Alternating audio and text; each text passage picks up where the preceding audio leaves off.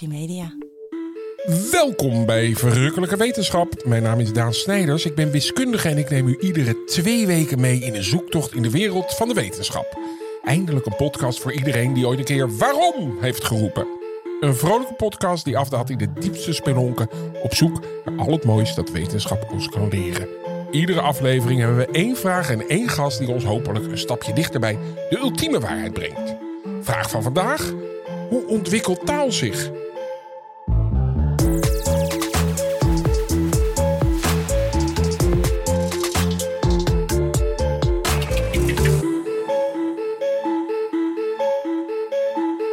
Interessant, hè Marlijn? Fantastisch, Hoe dat vind ik taal zich? We gaan, we gaan allerlei uitstapjes maken hoor. Verwacht ik. Ook naar andere talen. eh, nieuwe woorden. Misschien nieuwe letters. is ook wel leuk. Gewoon eens een nieuwe letter. Altijd maar die 26. Eigenlijk is dat een beetje, een beetje krampachtig.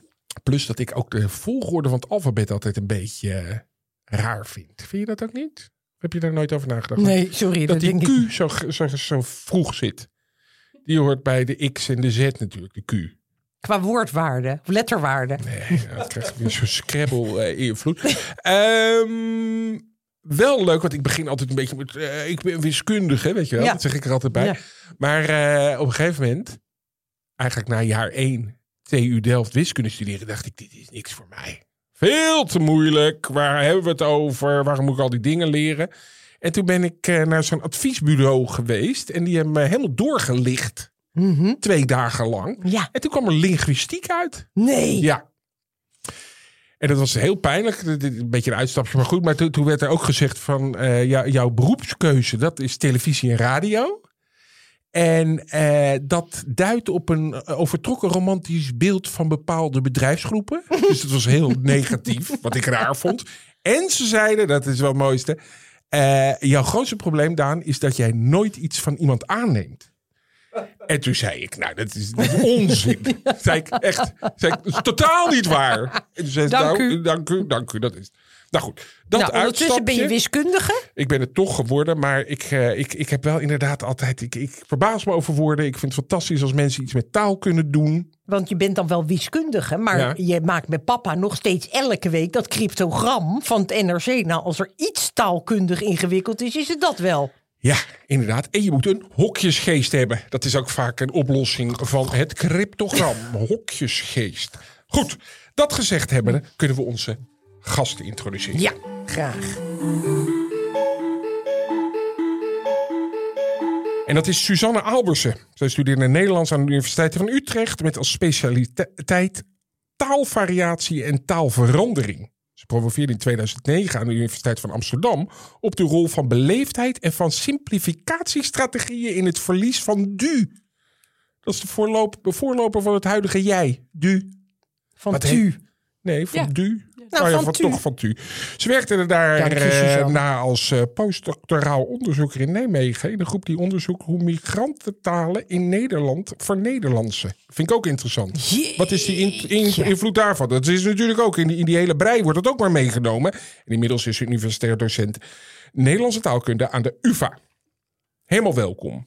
Ja, dankjewel. Fantastisch. Hey, is dat raar dat ik toch een taaldingetje heb terwijl ik wiskundige ben eigenlijk? Dat wil ik wel even nu uit de wereld hebben. Nee, dus eigenlijk eh, ligt heel erg voor de hand. Ik hou heel erg van wiskunde en van taal. Dus daarom heb ik eigenlijk ook deze hersenen bij me vanwege het wiskundige gedeelte van taal. Dus er zit, ehm, als je een beetje nerd bent met hokjesgeest, wat ik denk ik wel ben, dan is taal heel leuk. Dus ehm, mijn eerste belangstelling voor taal was eigenlijk op school. Dan moest je allemaal van die rijtjes leren bij Latijn. hè, Van Ja. servus, servis, servos, servum, servo. En ik was heel erg gefascineerd door wanneer die rijtjes, wanneer er overlap was. Dus wij hadden bijvoorbeeld een leraar Grieks. En dan moesten we, zeiden ja, wat is met de vijfde naamval gebeurd in het Grieks? Want die is er niet meer. En dat was altijd de tweede of de derde naamval. Maar dan dacht ik, oh leuk, 2 plus 3 is 5. En maar dat eh, soort rare ja, ja. obsessies en patroonherkenning. Ik denk dat dat zit bij wiskunde en bij eh, taal.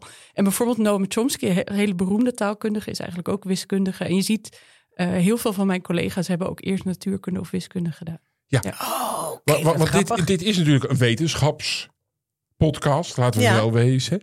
En dan, dan, dan hebben we het dus eigenlijk over de regels van de taal. Het is, ook, het is echt een structuur Maar, en dan, loop ik misschien al een klein stapje vooruit, daar houden we ons natuurlijk niet aan. En we, we zitten die structuur, dat vind ik er zo interessant aan, zelf te veranderen steeds. Ja, maar Dus die structuur zelf, die vind ik leuk. Dus je hebt eh, mensen bedenken regels, maar die regels zijn eigenlijk de structuur van de mensen met macht. Dus een grammatica-boek eh, is gebaseerd op wat onze hersenen spontaan doen, maar dan niet de hersenen van iedereen, maar de hersenen van wie belangrijk is.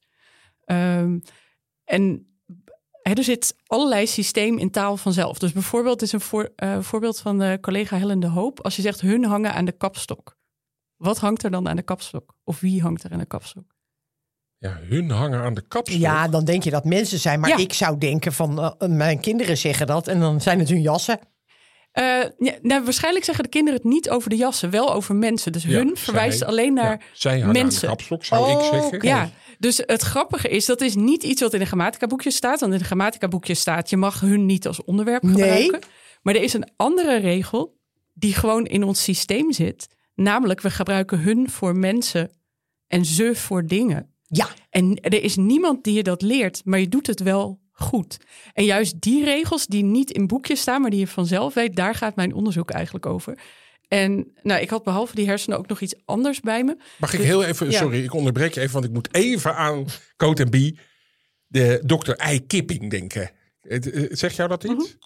En die, die had dus precies hetzelfde. Die had dan als voorbeeld de zin, het verschil tussen dat en wat. Dan ging ze de tijd wat, dat, dat, dat wat. Dat wat ik net zei.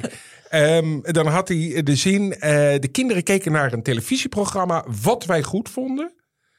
Of de zin, de kinderen keken naar een televisieprogramma dat wij goed vonden. ja.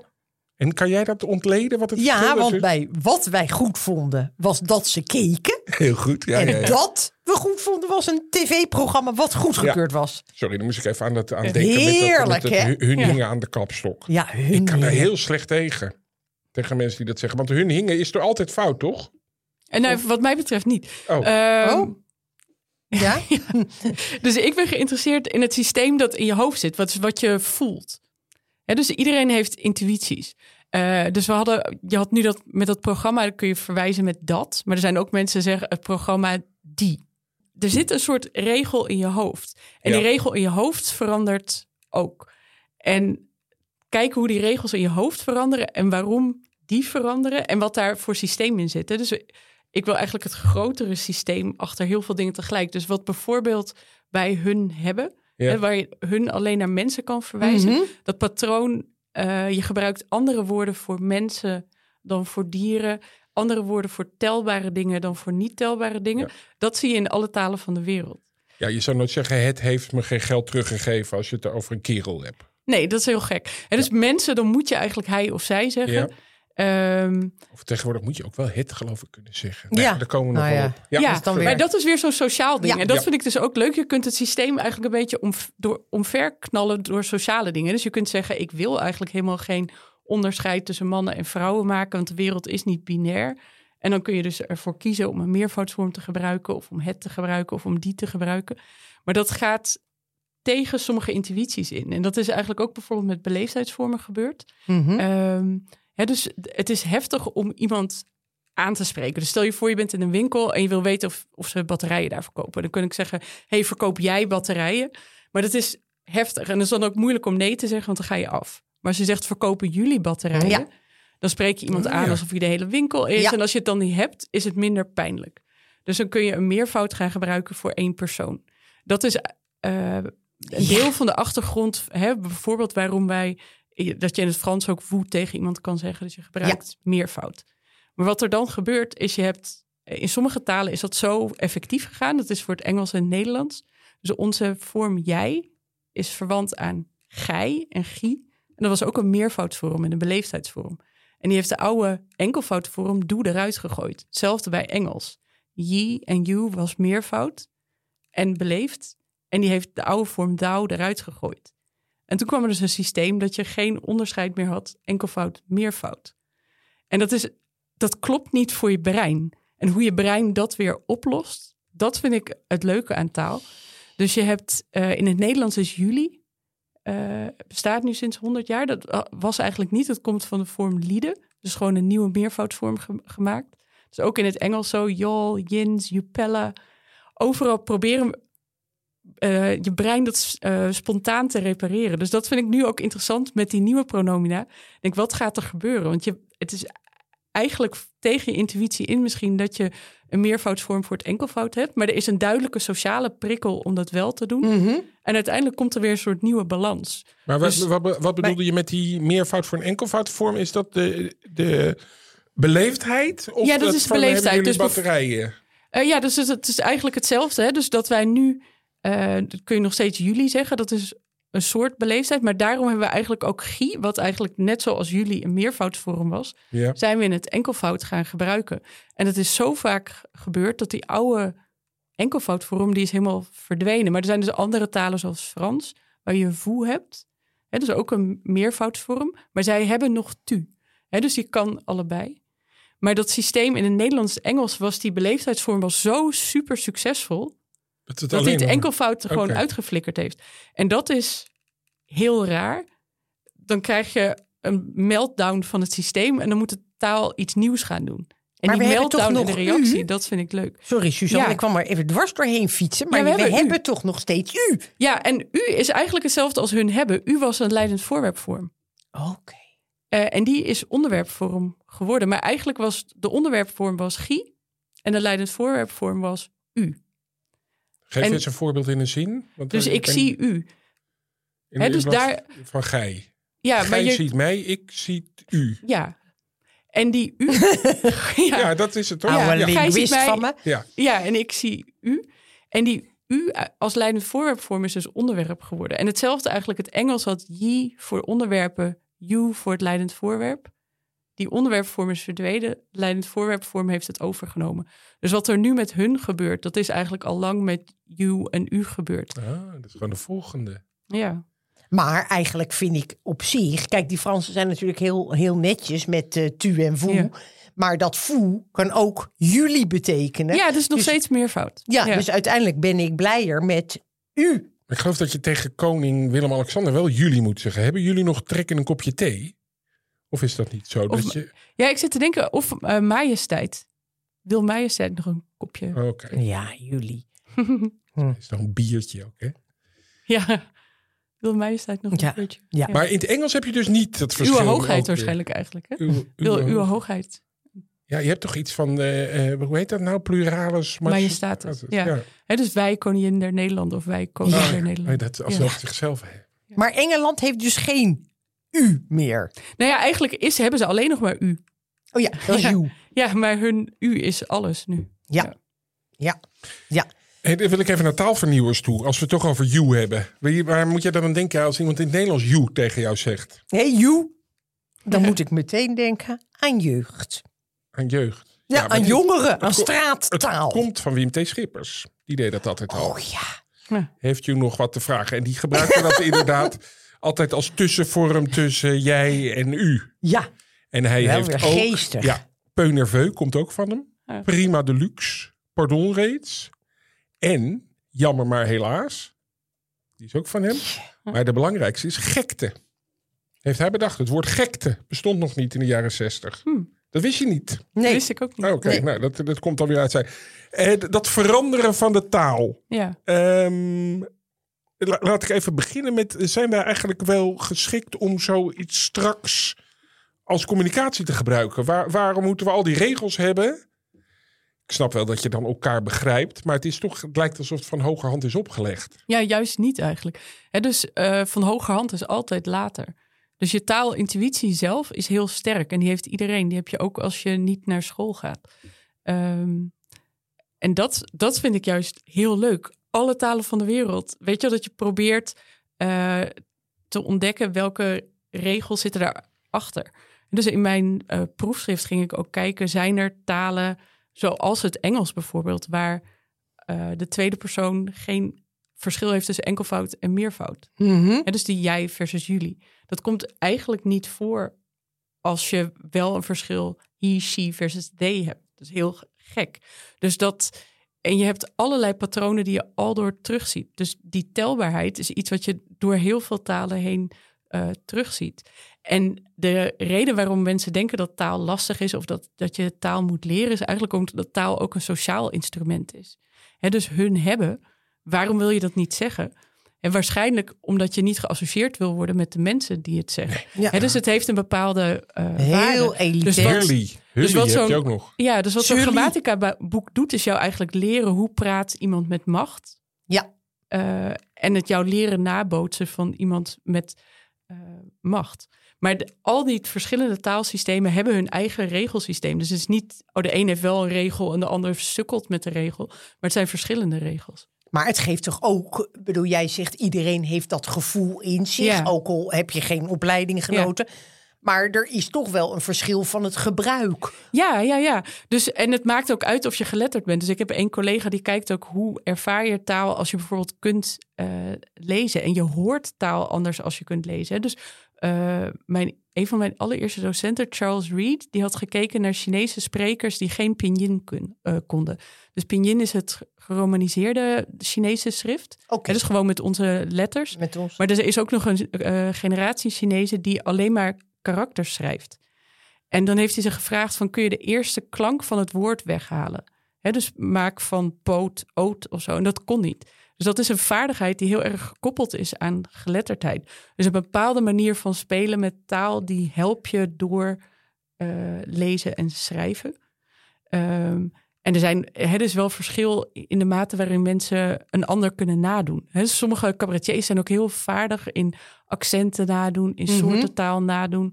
Ehm, dus je kunt wel bijleren over taal, maar iedere variant van taal heeft zijn eigen regels. Dus als iemand anders praat, dan is het niet dat hij geen regel heeft, maar dat hij een andere regel heeft. En wat ik leuk vind is om te kijken, wat zit er achter die andere regel? Ja. Waarom is die anders? Maar vind jij ook dat we daarin bijvoorbeeld ook toleranter moeten zijn? Want ik weet Mm. nog dat als er iemand in mijn omgeving wouden zei, Wouden zij. wij wouden, Ja, Ja.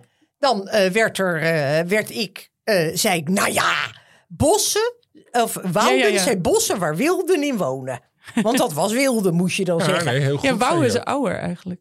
Nou, ik vind, het zo, eh, ik vind het af en toe zo krampachtig van mezelf. Elitair van jou, ja. hè? Ja. nou het gekke Ja, is... Heel elitair. Nou, je zei ook wel- die een opleiding heeft genoten, zei je net. Ja, en dat, dat? Ja, dat zei je. Gadverdamme. Ja, nee, maar daar moet je op letten hoor. op Dat soort dingen. Ja. Die Werus naar school is geweest. Dat moet je zeggen. Nee, niet eens. Nee, het is, ik merk ook bij mijn kinderen, als ze sommige dingen zegt, denk ik toch mm, Ja, niet helemaal handig of zo.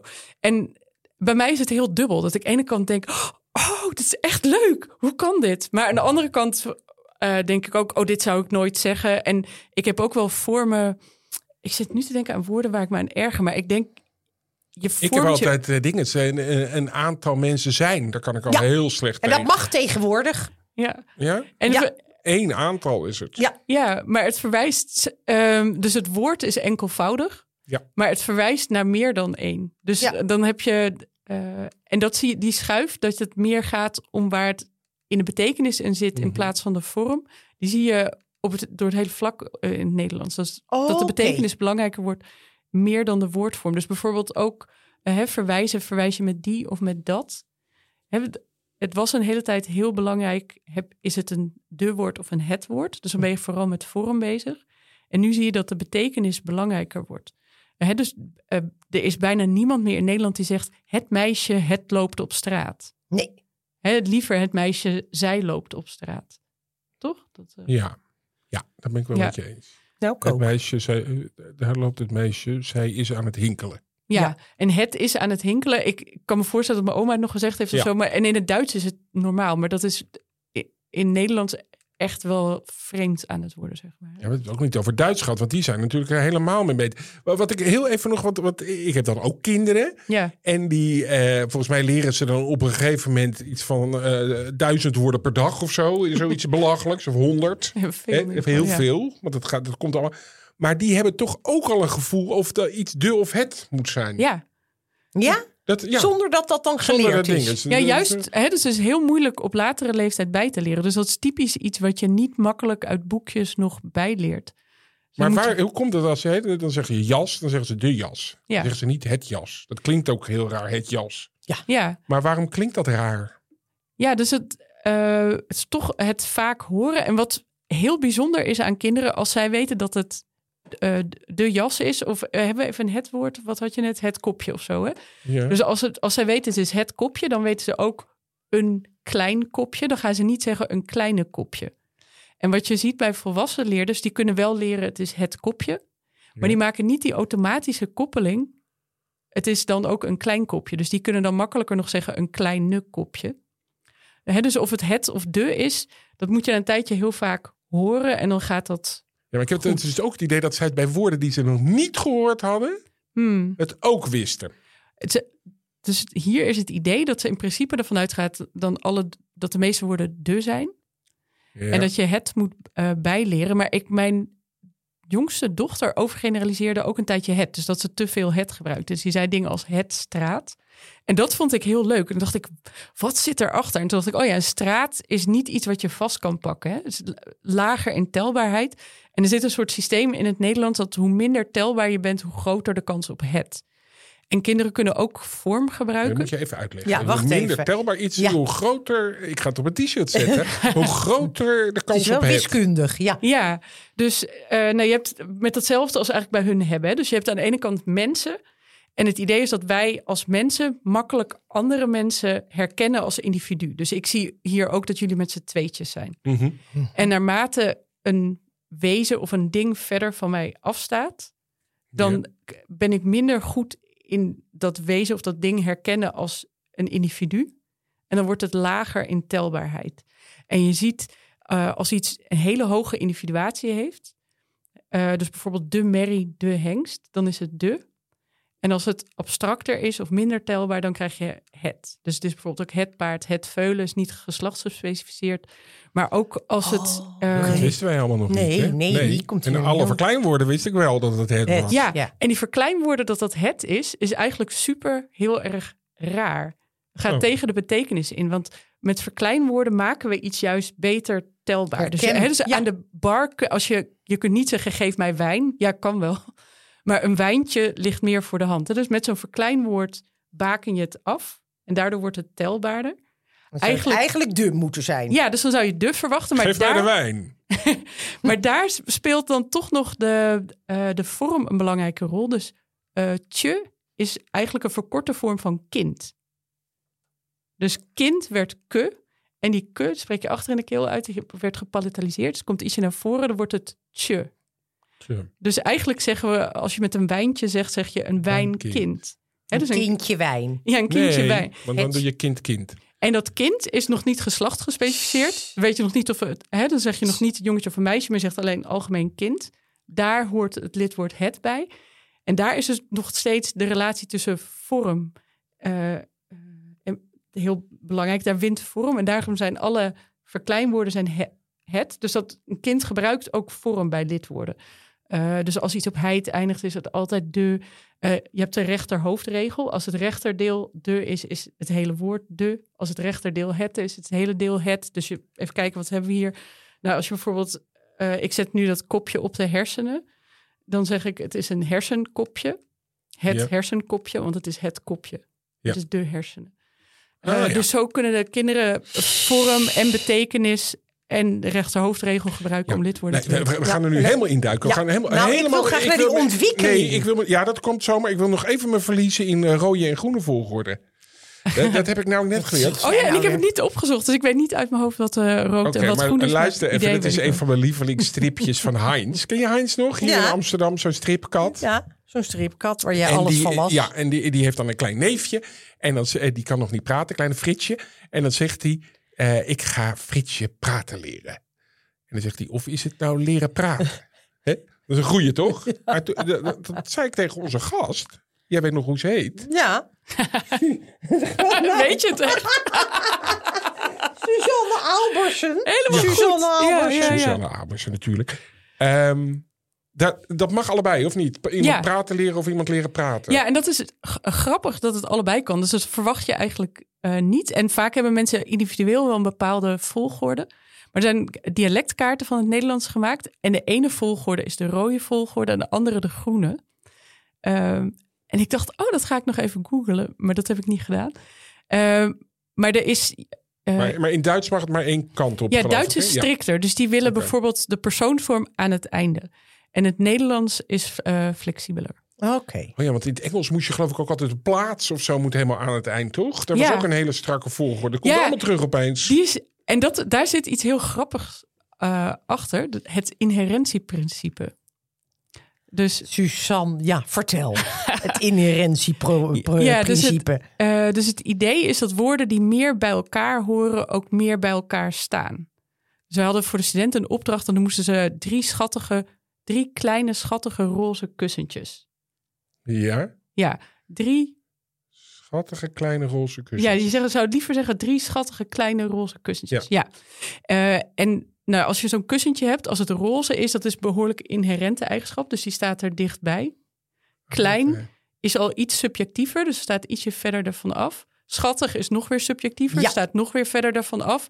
En drie is geen eigenschap van het kussentje zelf, dus die staat heel ver weg. En jij had het over plaats en tijd. Eh, en het idee is dat. eh, wat is nou belangrijk? Ja, dus dat waarschijnlijk is tijd voor het werkwoord belangrijk. Hè? Dus I live. Wat? Last year, volgens mij begin je zelfs met tijd of niet? I, ja, maar de- en dan is hij gewoon makkelijk. Maar we hadden PTT voor het Engels. Oké. Ik weet niet of je dat. Dat herinner ik me nog gewoon van de middelbare school. But I lived in Amsterdam for two years. Dus dan is de Ja. Eh, plaats belangrijker. Maar het idee is. Wat ik eigenlijk gek vind. Maar dat die plaats dan belangrijk is en dat die dichterbij moet staan. Dus dat in het Engels eh, is een VO-taal, dus een werkwoord-objecttaal. Dus bijvoorbeeld Engelse baby's zeggen: give cookie, give kiss. Terwijl een Nederlands kindje zegt koekje eten, boekje lezen, kusje geven. Dus het Nederlands is een OV-taal. Ook als je een biertje gaat bestellen of zo, dan eh, kun je zeggen biertje drinken. Maar je kunt in het Engels niet zeggen beer drink. en dan moet je drink bier. Dus eh, het idee is dat die positie van het werkwoord in het Nederlands achteraan is. En dan hebben we nog een gekke regel V2, die zegt persoonsvorm op tweede plek. Maar in principe zijn werkwoorden achteraan. En de, wat bij het werkwoord hoort, staat daarom achteraan in de zin. En wat er minder bij hoort, staat meer voorin. En in het Engels heb je dus eerst het werkwoord. Dus dan moet je daarna wat het meeste bij het werkwoord hoort. Net zoals je bijvoorbeeld dat roze heel erg bij kussentje hoort, hoort die plaats heel erg bij het werkwoord. Dus het moet dichter tegenaan staan. Ja, en dan zien we dus eigenlijk dat dat allemaal redelijk statisch is. Toch, uiteindelijk. Statisch? Ja. Nou, ik ga het jou uitleggen. Oké. Eh, namelijk. Luister maar eh, even. ik heb, ik, ik, Statisch. eh, bijvoorbeeld, als ik dan. Ik ben wel eens ook in Australië geweest. Als je daar vertelt dat je in Nederland kan horen of iemand uit Rotterdam komt of uit Den Haag. Ja. Sterker nog, of je uit Delft komt. Hm. Dat kan je nog steeds horen. Ik heb in Delft gestudeerd. Dat heb ik nu al meerdere malen gezegd. Dat doet er niet toe. Maar je kan horen. En de, wat zit daartussen? Een kilometer of zes. Ja. Beide kanten op. En dan weet je dus, die komt uit Delft. Nou, Leiden, dat hoor je ook. Terwijl, maar goed, dat is dan een slecht voorbeeld in Australië. Want het is een nieuwe taal. Daar hoor je dus niet of iemand uit Perth of uit Hmm. Melbourne komt. Want en er zit, eh, wat is het, 12.000 kilometer tussen. Hoe kan dat? Dat is echt mijn vraag van vanavond. Hoe kan dat dat dat nu nog steeds zo is? Ja, dus eh, je ziet het eigenlijk hetzelfde bij planten. Dus inheemse planten hebben heel veel meer variatie dan als je een plant naar een eh, nieuwe locatie brengt. Dus eh, dan is er minder variatie. Dus Engels is inderdaad later in Australië gekomen. Dus, dus de mate van variatie is Ja, kleiner. ja, maar goed, dat vind ik logisch. Ja. Maar die planten hebben wij hier in Nederland ook de hele tijd zitten verschuiven al. Ja. Er zijn, er zijn treinverbindingen met Delft mogelijk. Hoezo blijft dat daar?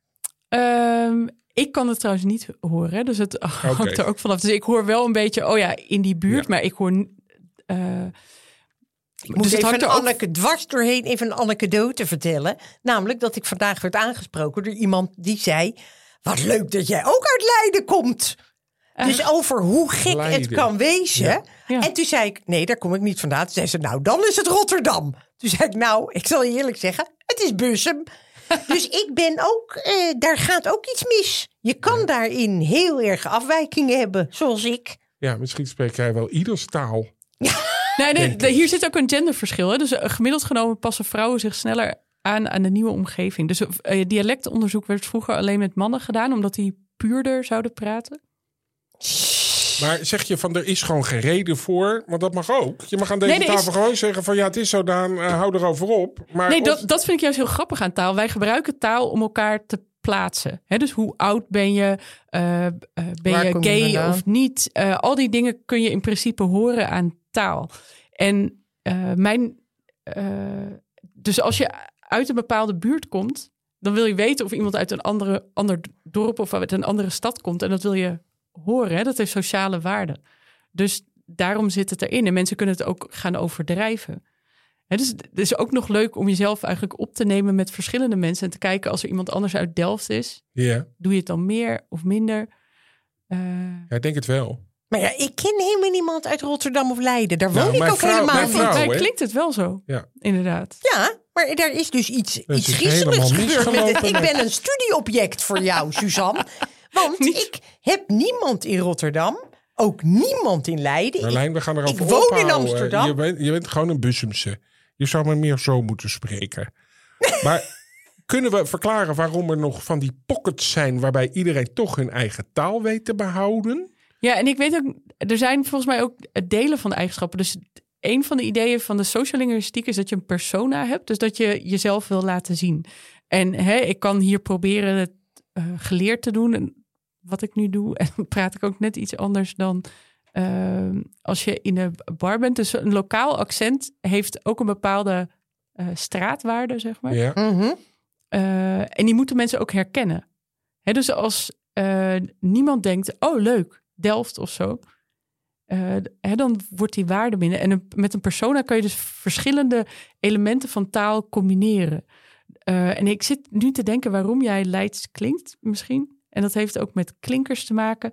En je kunt dus een klinker aanpassen eh, zelf om een bepaald beeld van jezelf te creëren als informeel of grappig. Of, hè, dus, Oh, eh, oké. maar al die daar verschillende bezig, varianten beetje hebben... mollig over te komen.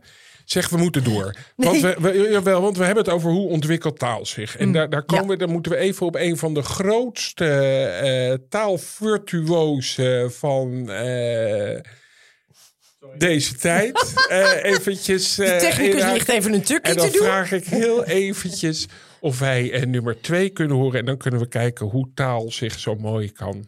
Nummer twee. Ja, Ik denk aan, bij nummer twee aan iets anders.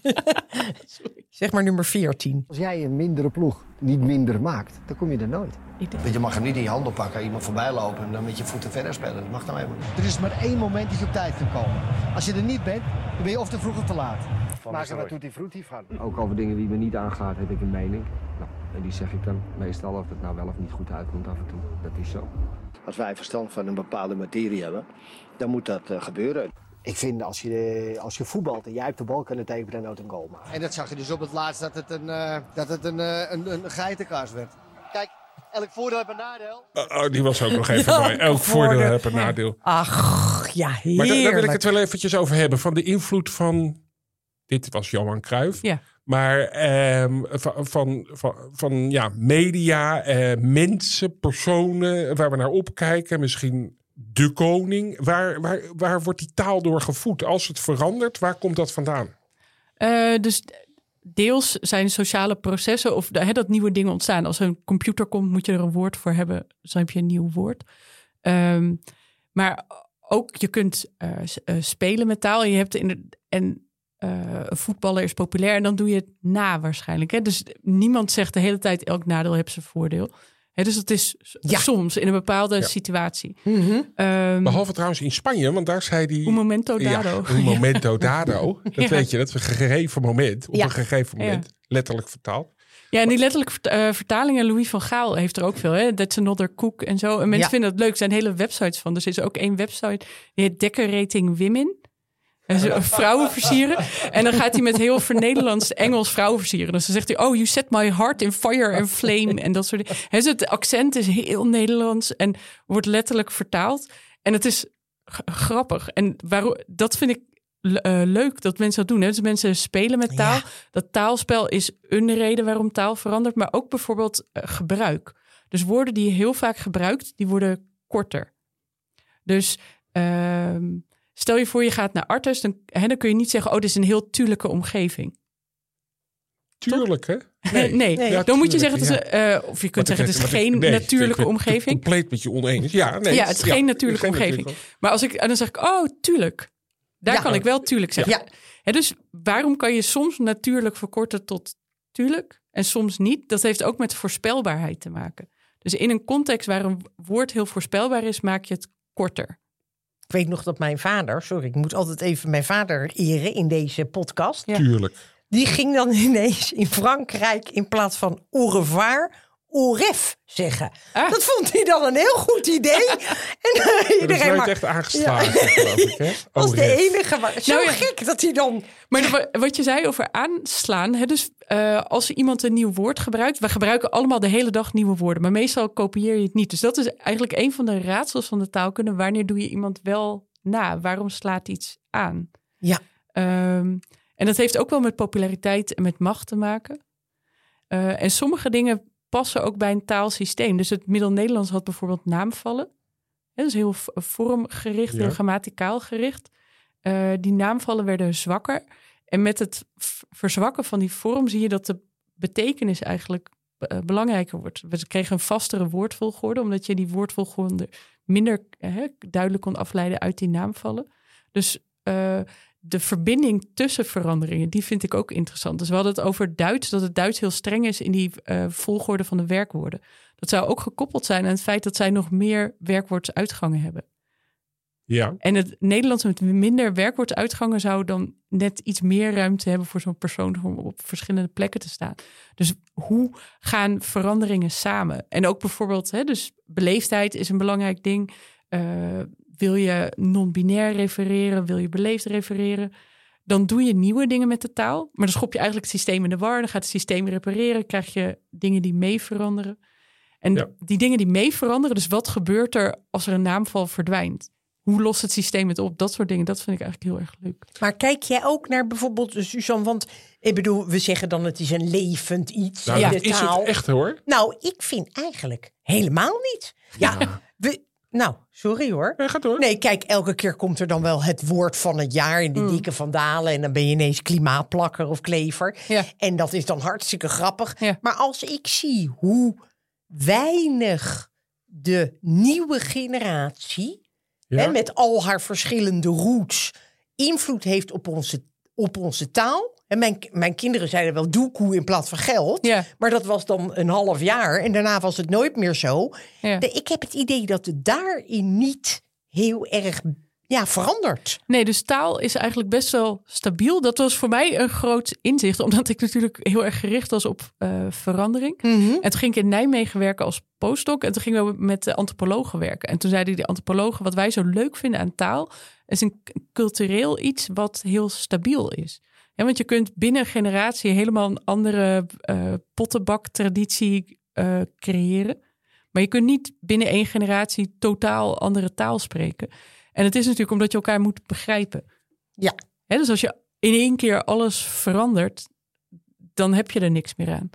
Ehm, en een van de vragen uit het eh, project in Nijmegen was: eh, hoe lang duurt het voordat een taal helemaal Nou. anders is? Dus het idee is eigenlijk tussen de 6 en de 10.000 jaar. En het hangt een beetje van de sociale situatie af hoor. Maar de- je hebt, dan ben je al je woorden kwijt. Dus wij spreken allemaal in de Europese talen.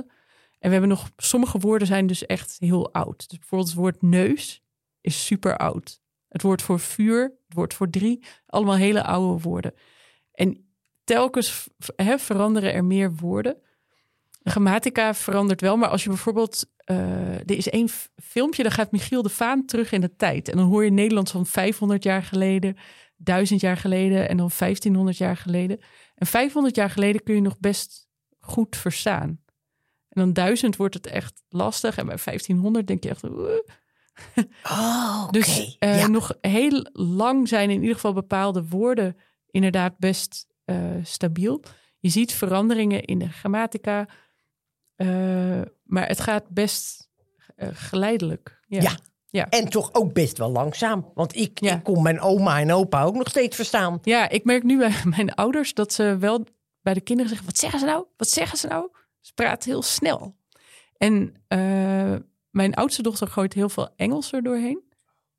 Ehm, en daar zie je eigenlijk bij haar zie ik ook wel veranderingen in de grammatica. Dus Ja, ik luister nooit zo goed naar mijn kinderen, maar die hebben dat ook inderdaad.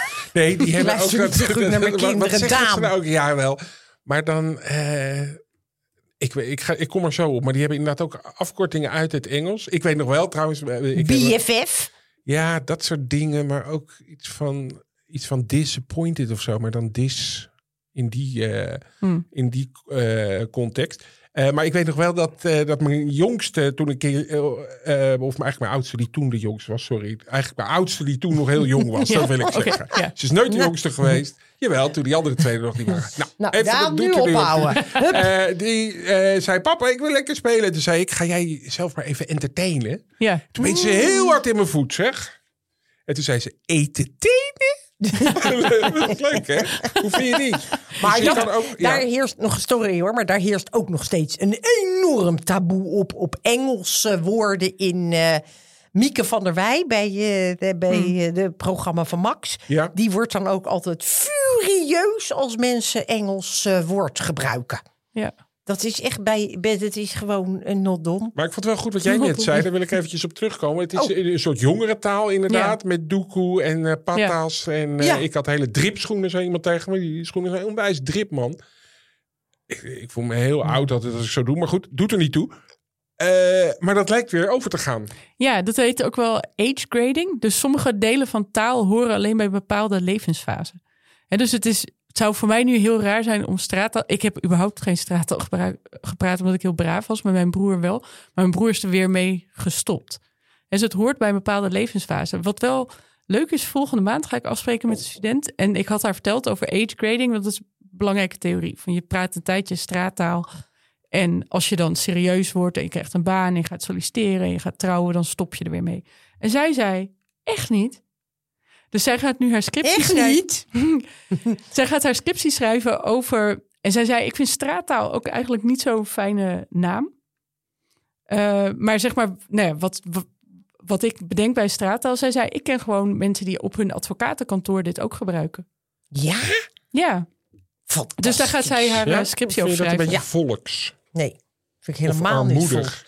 En ik had nog een vraagje of je... ehm, het nou is ja, toch wel een beetje keurslijf, hè? Daar kom ik toch wel Nou, achter. Met dat ding. je je, je hebt je maar aan te passen. Ja, over keurslijf gesproken. Ik heb, het, eh, ik, ik heb wel eens interviews over dieren. En dan zeg ik gewoon, zij of hij Hmm. of eh, die kinderen of die baby's. Als je een veulen. Nou, dat stuit toch tegen de borst bij de natuurliefhebber. Die Waarom vindt dat...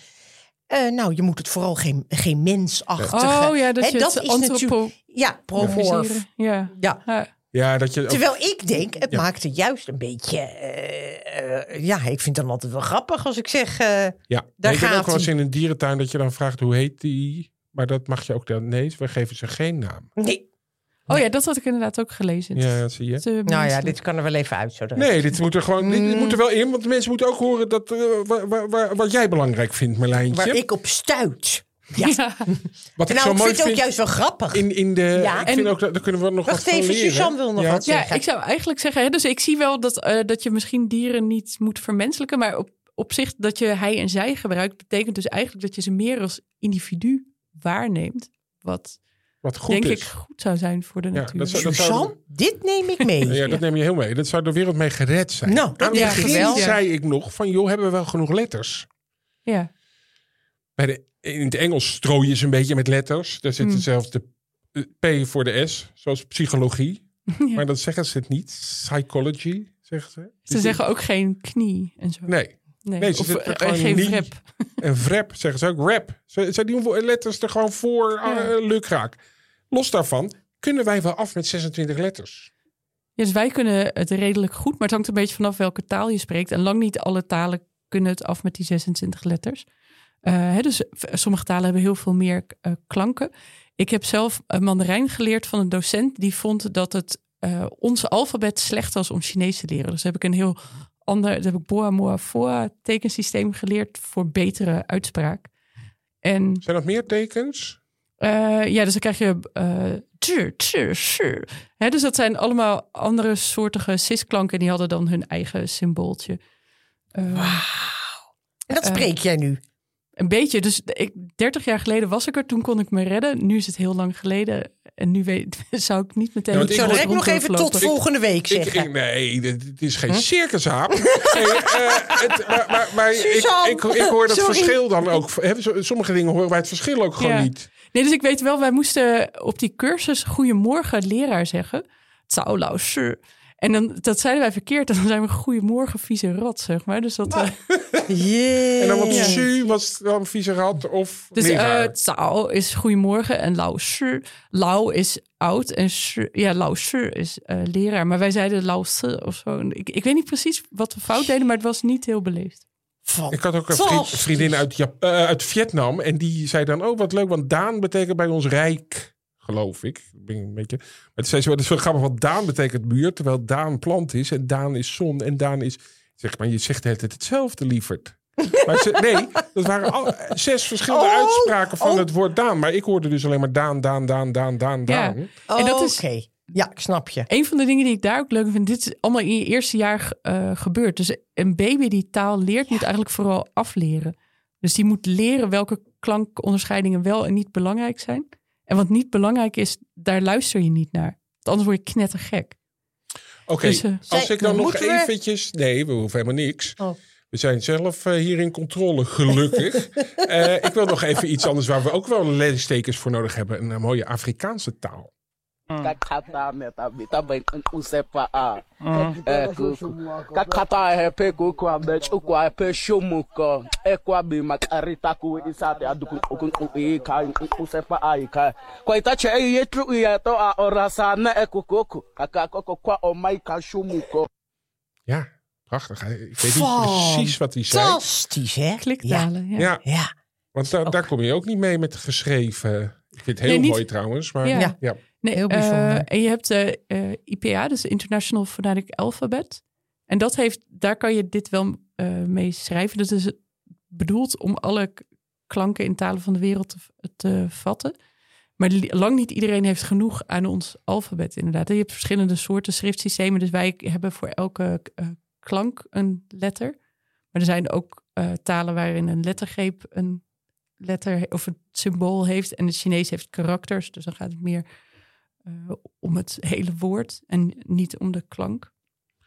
Ja, want Ja. als je bijvoorbeeld kijkt naar. Ik, eh, dat, wij, wij gooien die 26 letters eigenlijk over de hele wereld heen. Ja. Met onze koloniën ook. Ja.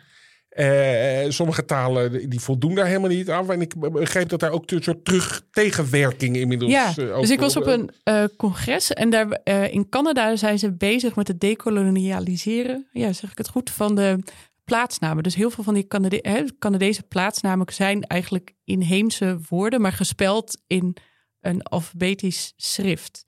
En om de, dat weer terug te geven aan de oorspronkelijke bevolking, zijn, worden nu eh, schrifttekens ontwikkeld om recht te doen aan de oorsprong. En soms zijn meerdere inheemse groepen die hebben allemaal eh, wonen zij op, de, op diezelfde plek. En dan heb je dus Mhm. hele grote straatnaamborden met eh, een schrift voor iedere groep. Ja.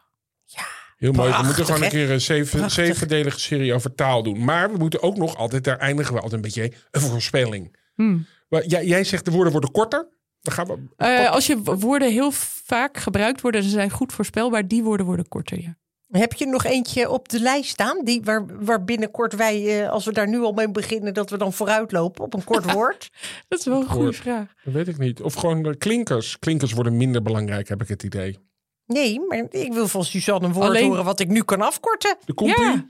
Ik, zit, ik, zit- eh, ik heb geen idee eigenlijk nu. Hmm. Nou, sorry. Nou, k- k- dat doen we al, hè? Dus die is, die is kort. Aan- Zeker aan. Hmm.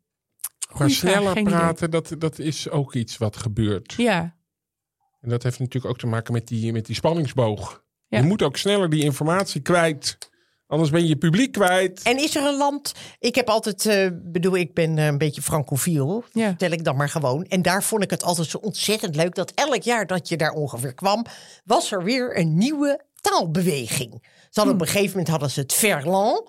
Dat. Ja. is dan het L'envers. Ja. Dat was dan ook weer helemaal Dus hip. omkeren van woorden. Heel Ja. ja dat gebeurt ook bij Smibanees, toch? Dat, eh, Oké. Waarbij? Smibanees, dus de taal van de Bijlmer. De Bijlmer is de Bims en de Bims draai je om en dan wordt het Smip en dan krijg je Smibanees. Ja, Ja, dat wisten wij dan weer niet. Nee, dan kom je goed. Oké, dus dat gebeurt ook hier. Nou, gelukkig. Fantastisch. Ja, maar ik, zou, ik pleit voor nog meer verandering in de taal. Ja, dat, vind- dat vind ik ook drip. Nou, hartstikke goed. Heel erg bedankt voor de komst. En dan praat ik nog heel even na met mijn zus. Ja.